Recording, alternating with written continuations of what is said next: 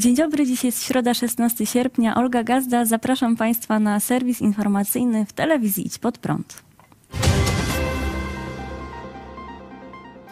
Ostra reakcja Kijowa na zadziwiające słowa urzędnika NATO.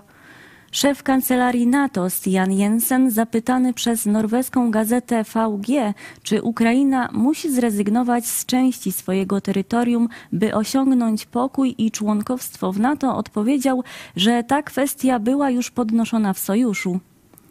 Nie mówię, że tak musi być, ale mogłoby to być możliwe rozwiązanie, oznajmił Stian Jensen i dodał, że istnieje poważna dyskusja dotycząca przyszłego członkowstwa Ukrainy w NATO.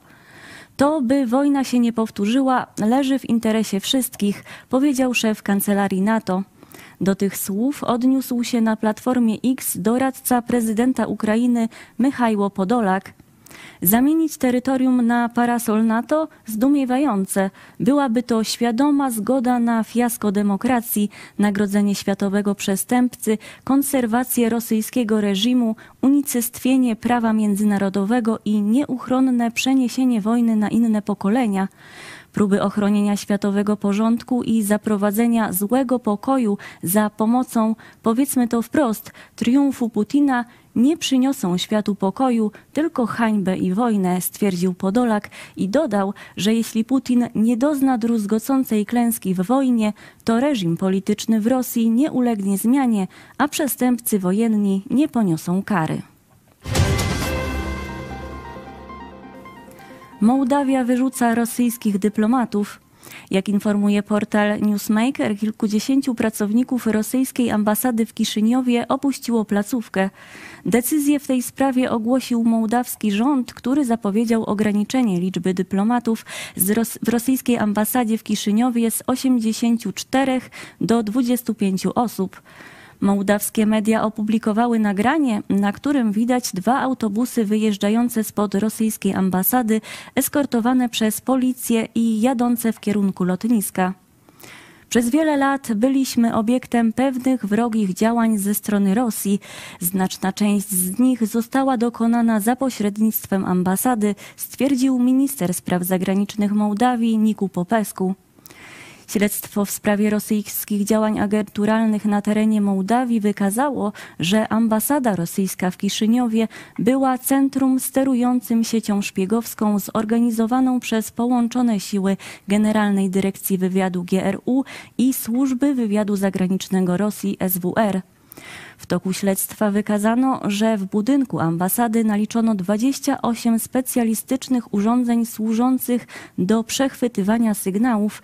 Jak twierdzą dziennikarze z serwisu Żurnal MD, sprzęt znajdujący się w placówce służy do przechwytywania rozmów telefonicznych, danych Wi-Fi i wszelkiej innej komunikacji, nawet na bardzo duże odległości. Eksperci twierdzą, że anteny zainstalowane na budynku rosyjskiej ambasady w Kiszyniowie mogą być również wykorzystywane do przejmowania komunikacji wojskowej, morskiej, lotniczej czy policyjnej. Napięcie dyplomatyczne między krajami powstało w efekcie zwycięstwa w wyborach prezydenckich Mai Sandu. Od tego czasu rosyjskie władze i prorosyjskie partie w Mołdawii przekonują o agresywnej, rusofobicznej postawie Mołdawii.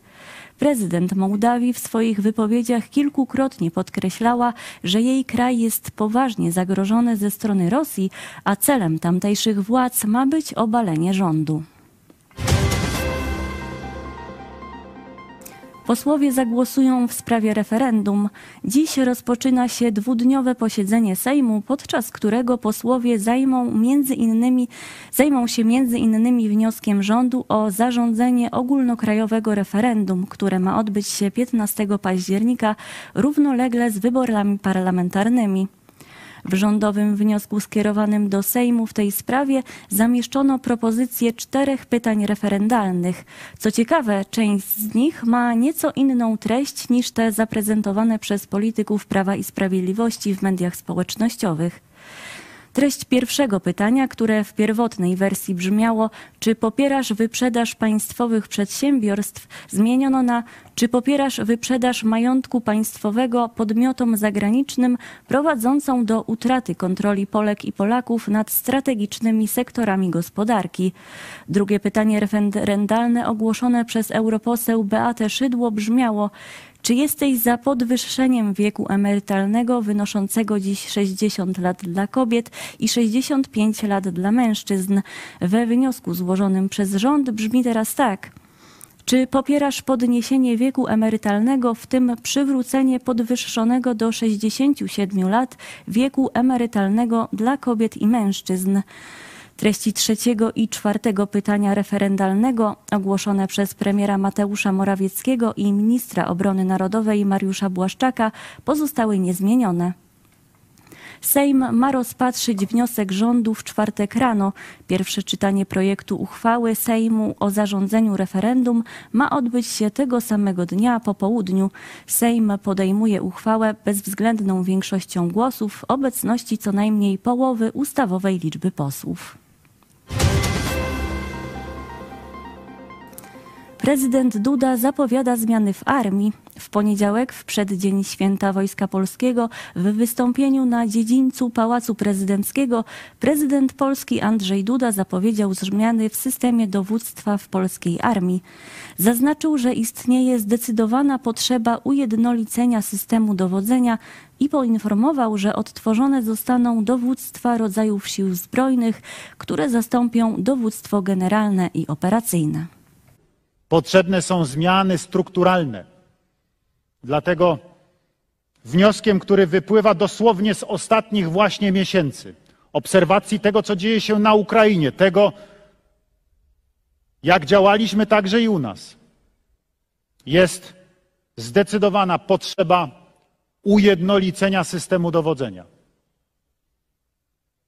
Wierzę w to głęboko, że w wyniku zmian, które dosłownie w najbliższym czasie zostaną zaproponowane, zmian ustawodawczych, powstanie dowództwo sił połączonych, nad którym pieczę dowództwo sprawował będzie szef sztabu generalnego. Zostaną odtworzone dowództwa rodzajów sił zbrojnych, które będą odpowiedzialne za szkolenie żołnierzy, za codzienne funkcjonowanie operacyjne